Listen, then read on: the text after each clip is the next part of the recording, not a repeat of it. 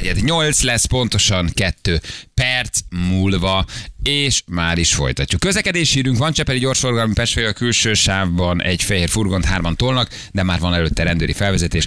Mögötte óriási a sor, Norbi küldte nekünk, m 0 déli része Budajos irányából az m felé az Ócsai úttól, az m be van állva egy szűkítés miatt kb. 4 kilométeres a dugó, szélvédős Feri küldte nekünk. Köszönjük szépen. Néztem egy srácot innen föntről a balkonról, úgy tűnt, hogy nincsen nagyon határozott úti célja, mert először az egyik oldalon stoppolt, aztán átjött az erbán, és a másik oldalon is elkezdett Valaki stoppolni. szólt neki, hogy a Balcsi nem, nem befelé van. Merre menjek? M6-os, M1-es, M3-as, mindenki mindkét irány jó. Majd maximum egyik oldalon felveszik, és megkérdezi, hogy forduljon vissza. Nincs ezzel baj. Na, gyerekek, hétvégén ugye errész van, és uh, Zamária helyszín. Bizony. És amiért mi foglalkozunk ezzel a témával, mert hogy az utolsó egy nagyon népszerű sorozat búcsúzik ezzel, és uh, ennek számos oka van egyébként, hogy miért nem csak nálunk az utolsó, hanem ugye maga a versenysorozat és a versenysorozat kitalálói, szponzorai döntöttek úgy, hogy lezárul egy, egy, egy hosszú korszak.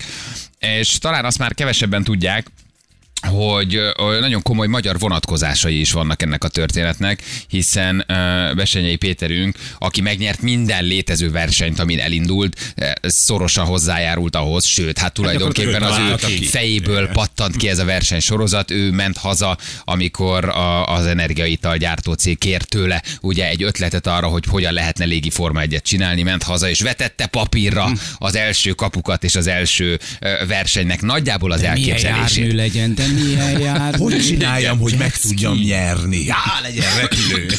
Igen, és hát ha már búcsúzik a versenysorozat, akkor arra gondoltunk, hogy felhívjuk mi drága Péterünket, akivel ugye személyesen is nagyon jóba vagyunk, repültünk vele, adásban is itt volt velünk többször, adáson keresztül reptetett és hányatott engem majdnem meg a Lánchíd felett, amikor ti röhögve ültetek az alagút felett egy kitelepülésen. Nekünk is félelmetes volt, mert lelógott a lábunk az alagút tetejére. Igen, Igen, ti is nagyon izgultatok. ti is nagyon izgultatok, igen, és mindenki nagyon izgult, hogy mi lesz Balival odafönt. És hát azért ez egy nagyon nagy ívet megélt, nagyon népszerű, nagyon hosszú versenysorozat volt, amiben ugye Péter is sokáig versenyzett, meg is nyerte, de hát ő most már ugye nem versenyzik aktívan, pár éve visszavonul, viszont szorosan kapcsolódik még mindig a versenysorozathoz. Itt van velünk Besenyei Péter. Hello Péter, jó reggel, ciao. Szép jó, szép jó reggelt, szervusztok. Jó reggelt! Na, van benned valamiféle eh, nosztalgikus búcsú ilyenkor, vagy az ember ez alatt a pár év alatt annyira messze kerül ettől a versenysorozattól, hogy, hogy, hogy már csak úgy átfut rajtad en- ennek a gondolata, hogy hú, hát vége. Hát fizikálisan valóban egy pár éve kicsit távol kerültem ettől a sorozattól, azért elkileg nem egészen. Hát de éppen tegnap nem voltam a ö, Szentkirály Szabadjai repülőtéren, ahol a bázisunk van, ugye a pilóták van, John és jó magam is, ö, onnan fogunk felszállni, és megyünk át a túloldalra, Zamárdiba repülni, kinek, kinek mi a feladata. És hát amikor tegnap megérkeztem a Szentkirály Szabadjai repülőtérre, és ott találkoztam a Hát az összes csapattal, a pilótákkal, szerelőkkel, a csapatvezetőkkel, barátokkal. Hát nagyon jó volt, és jó volt látni azt, hogy megérezni azt, hogy hát milyen kedvesen fogadtak. Tényleg úgy ölelgettek, ölelgettek, hoztak ajándékot nekem. Például a, a francia Nikolai Ivanov, aki egyébként különösen jó barátom, az egy kartonbort hozott nekem Korzikáról, mert szeretem a bort. Úgyhogy nagyon-nagyon jó érzés volt őket viszont látni. Az persze, hogy hát mindenkinek a szemébe ott, ott egy könycsepp csillogott, és úgy mindenki egy kicsikét elszorult torokkal mondta, hogy hát, hát, közeleg a vég. Na jó, de volt már egy ilyen, volt már egy ilyen, amikor egy két vagy három éves szünet volt a magában a versenysorozatban, aztán újraindult. Tehát az is lehet, hogy ez most is megtörténik, nem? Hát igen, erre mondják, hogy a remény hal meg utoljára. Há, lemondó voltál nagyon. Nem mondom. Jó, hát inkább, inkább tévedjek. Figyelj, amikor téged erre felkértek, akkor tényleg ez úgy történt, hogy te hazamentél és elkezdtél egy papíron rajzolgatni, hogy nagyjából hogy néznének ki a kapuk, nyilván nem abban a formában, ahogy most kinéznek, és akkor egy ilyen papírra vetett skiccel mentél vissza a főnökséghez, hogy nagyjából így nézhetnek ki a versenysorozat? Hát elmesélem ez hogy volt, de az körülbelül 20 perc, de mindegy, röviden mondom el. Én a, annak idején a Rebulhoz úgy mentem, hogy a műrepülő világkupát szerettem volna nekik eladni. Tehát ami akkor ment a műrepülő világkupa sorozat, azt szerettem volna, hogyha a Red Bull ruhába öltözik, és ezügyben tárgyaltam a Matesi úrral, vagy a tulajdonossal, illetve a világkupa direktorával. Mely a tárgyalás végén azt mondta Matesi úr, a tulajdonos, hogy ez a műrepülő világkupa ez szép dolog, de hát őt igazából ez nem érdekli. Inkább csináljunk egy saját versenyt, ami olyan, mint a Forma 1 a Földön, csak legyen a levegőbe, az eredmény objektív, sebesség, idő, tatadadada. És akkor mondtam, hogy de hát ez nem olyan jó, mert inkább a műrepülő világkupa, mondta a, a tulajdonos, hogy nem, Péter, ez a feladat, ezen tört a fejed. Akkor hazajöttem szomorúan, kicsit csalódottan, hogy nem sikerült az, amit én szerettem volna, csak elkezdtem rajzolni valóban különböző ákombákomokat, kapukat, viszontos kapukat, függőleges kapukat. Pont, pont veszélyesre készen a fejet. És akkor, és akkor ezzel, ez, ezzel, ezzel mentem vissza, hogy hát akkor valami ilyesmit kellene csinálni, és mondta, hogy na ez jó, ezt dolgozzuk ki. És akkor ezek hmm. után hazajöttem, és akkor egy, egy, egy hatfős team, egy hatfős csapat állt fel, média szakemberekből, illetve uh, kreatívokból, jó magam, mint pilóta, és uh, ez a hatfős csapat egy több mint fél éves munka után előállt egy, egy teljes koncepcióval, úgyhogy ez nagyjából így nézett ki. A legérdekesebb volt a kapuknak a megalkotása. Mosolyogva nézem bizonyként a régi fényképeket, hogy mi mindennel megpróbálkoztunk a Celtvégi repülő, katonai repülőtéren, ugye ott tesztelgettem a különböző ötleteket, mint a füst, a lézerfény, a, a vízsugár, a kartonpapír, és így tovább mire végül is ezek a, ezek a felfújható pilonok futottak be. Hát ennek is a legelső verziója az egy ilyen ezer szállal kikötött párhuzamos kis kolbászka volt, ami a legkisebb szélre is érzékeny volt. Már a kapuk már sokkal stabilabbak, biztonságosabbak, magasabbak, úgyhogy ezek is átalakultak. Igen, hát ezek, ahogy mondod, ezek ilyen kötéllel kikötött, ilyen, ilyen kis kolbász, kolbász alakú kis kapucskák voltak. Nyilván, amit most lát az ember, azért az évek kellettek, mire azt kikísérleteztétek és elnyerte a, a, a végső formáját. Egészen pontosan. Te ezt hányszor nyerted meg ezt a versenysorozatot? Hát én csak az első évben nyertem meg, utána voltam háromszor egymás követően második, egy-egy ponttal lemaradva, aztán voltam összeretben harmadik, aztán szép lassan, ahogy a az idő ment, és a nyugati versenyzők rájöttek arra, hogy itt a motortuning a fontos, mert ez egy technikai sport, és ugye hát a lóerő az abszolút nem közömbös.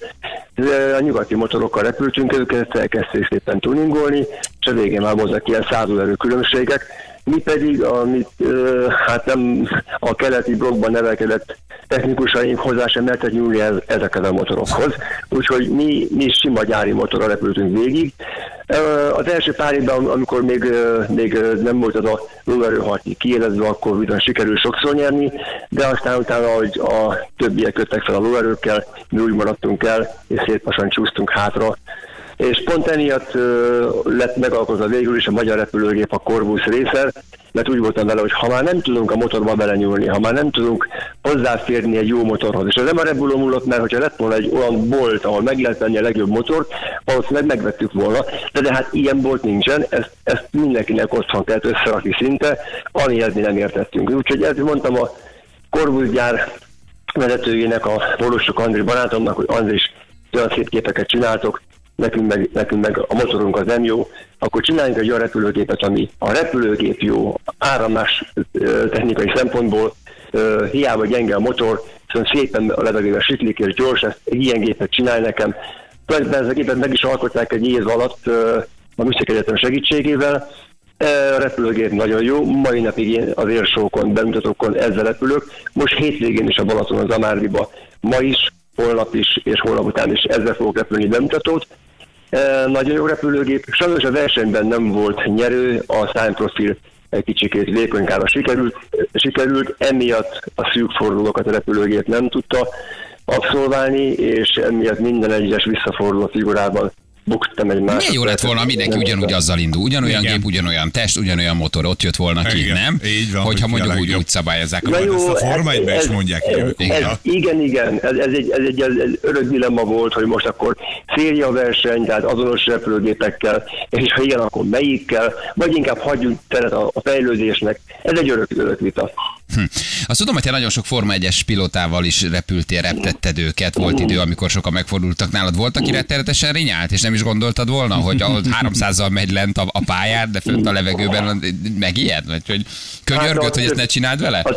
A többség az igen, hát a leg, ha szabad így fogalmazni, legrinyálósabb a Felipe Massa volt, aki gyakorlatilag az első, az első bukfenc után sápadtam, mondta, hogy na ilyet többet ne. A Raikkonen, az a, a, a Kimi Raikkonen a maga módján a jégember ugye nem, önmagát nem meghazudtolva a repülőgébe egy kukkot nem szólt, alig bírtam bele kicsavarni egy szót, hogy azt, ami rosszul van, mondom, ki, jól vagy, mehet tovább, minden oké. Okay. Á, csak bólogatott, mert meg se szólalt. Na, lehet ájult volt, nem? Igen, Az részeg. elájult már. Tulaj- tulaj- Nem bólogatod, le fittyett a feje. Tulajdonképpen, tulajdonképpen a formás versenyzők közül a, a, a legvagányabb volt a Baumgartner Zsolti.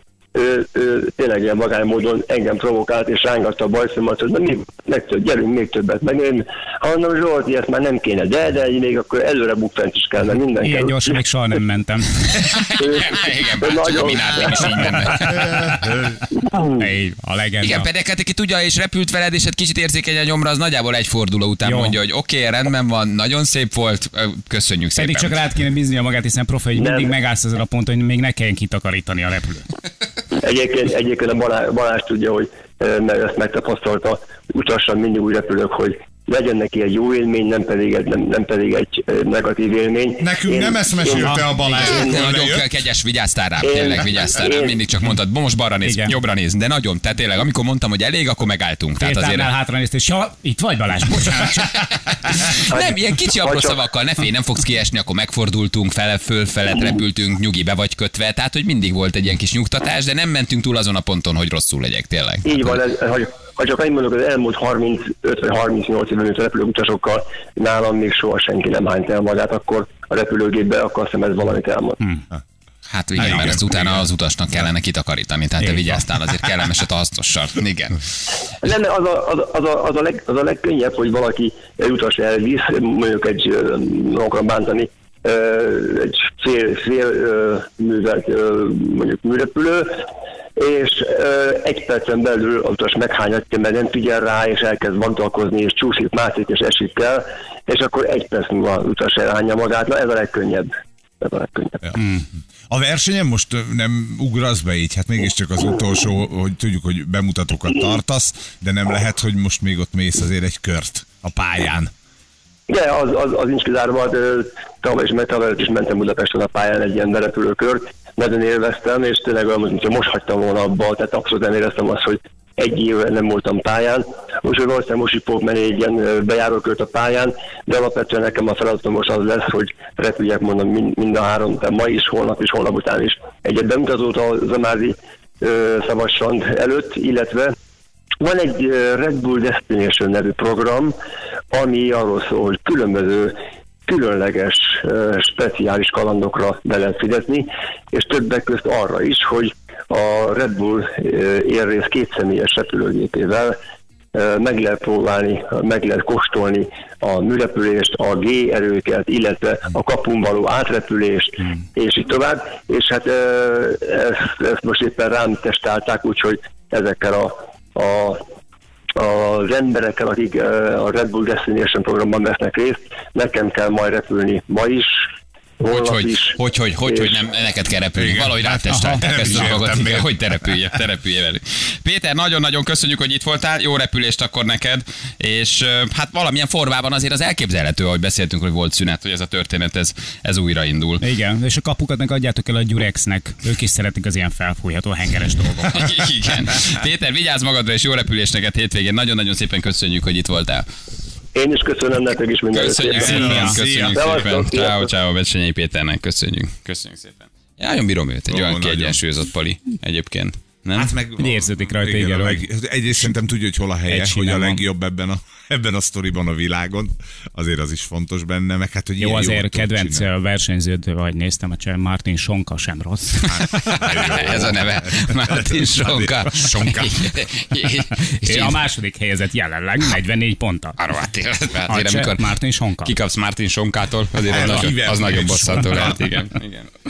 Na rácsörgünk Bözsi nénire, hogy megvan a vonal a Persze, száma. hát Vonal na. a számot kapott Bözsi néni gyerekek, hát elmúlt. Jobb később, mint soha. Valami, valami báj oda vezet ezzel a történettel, nem kell többet utcai fülkét hívnunk, hanem Bözsi néni tudjuk hívni, és már vonalas telefonon bekötötték.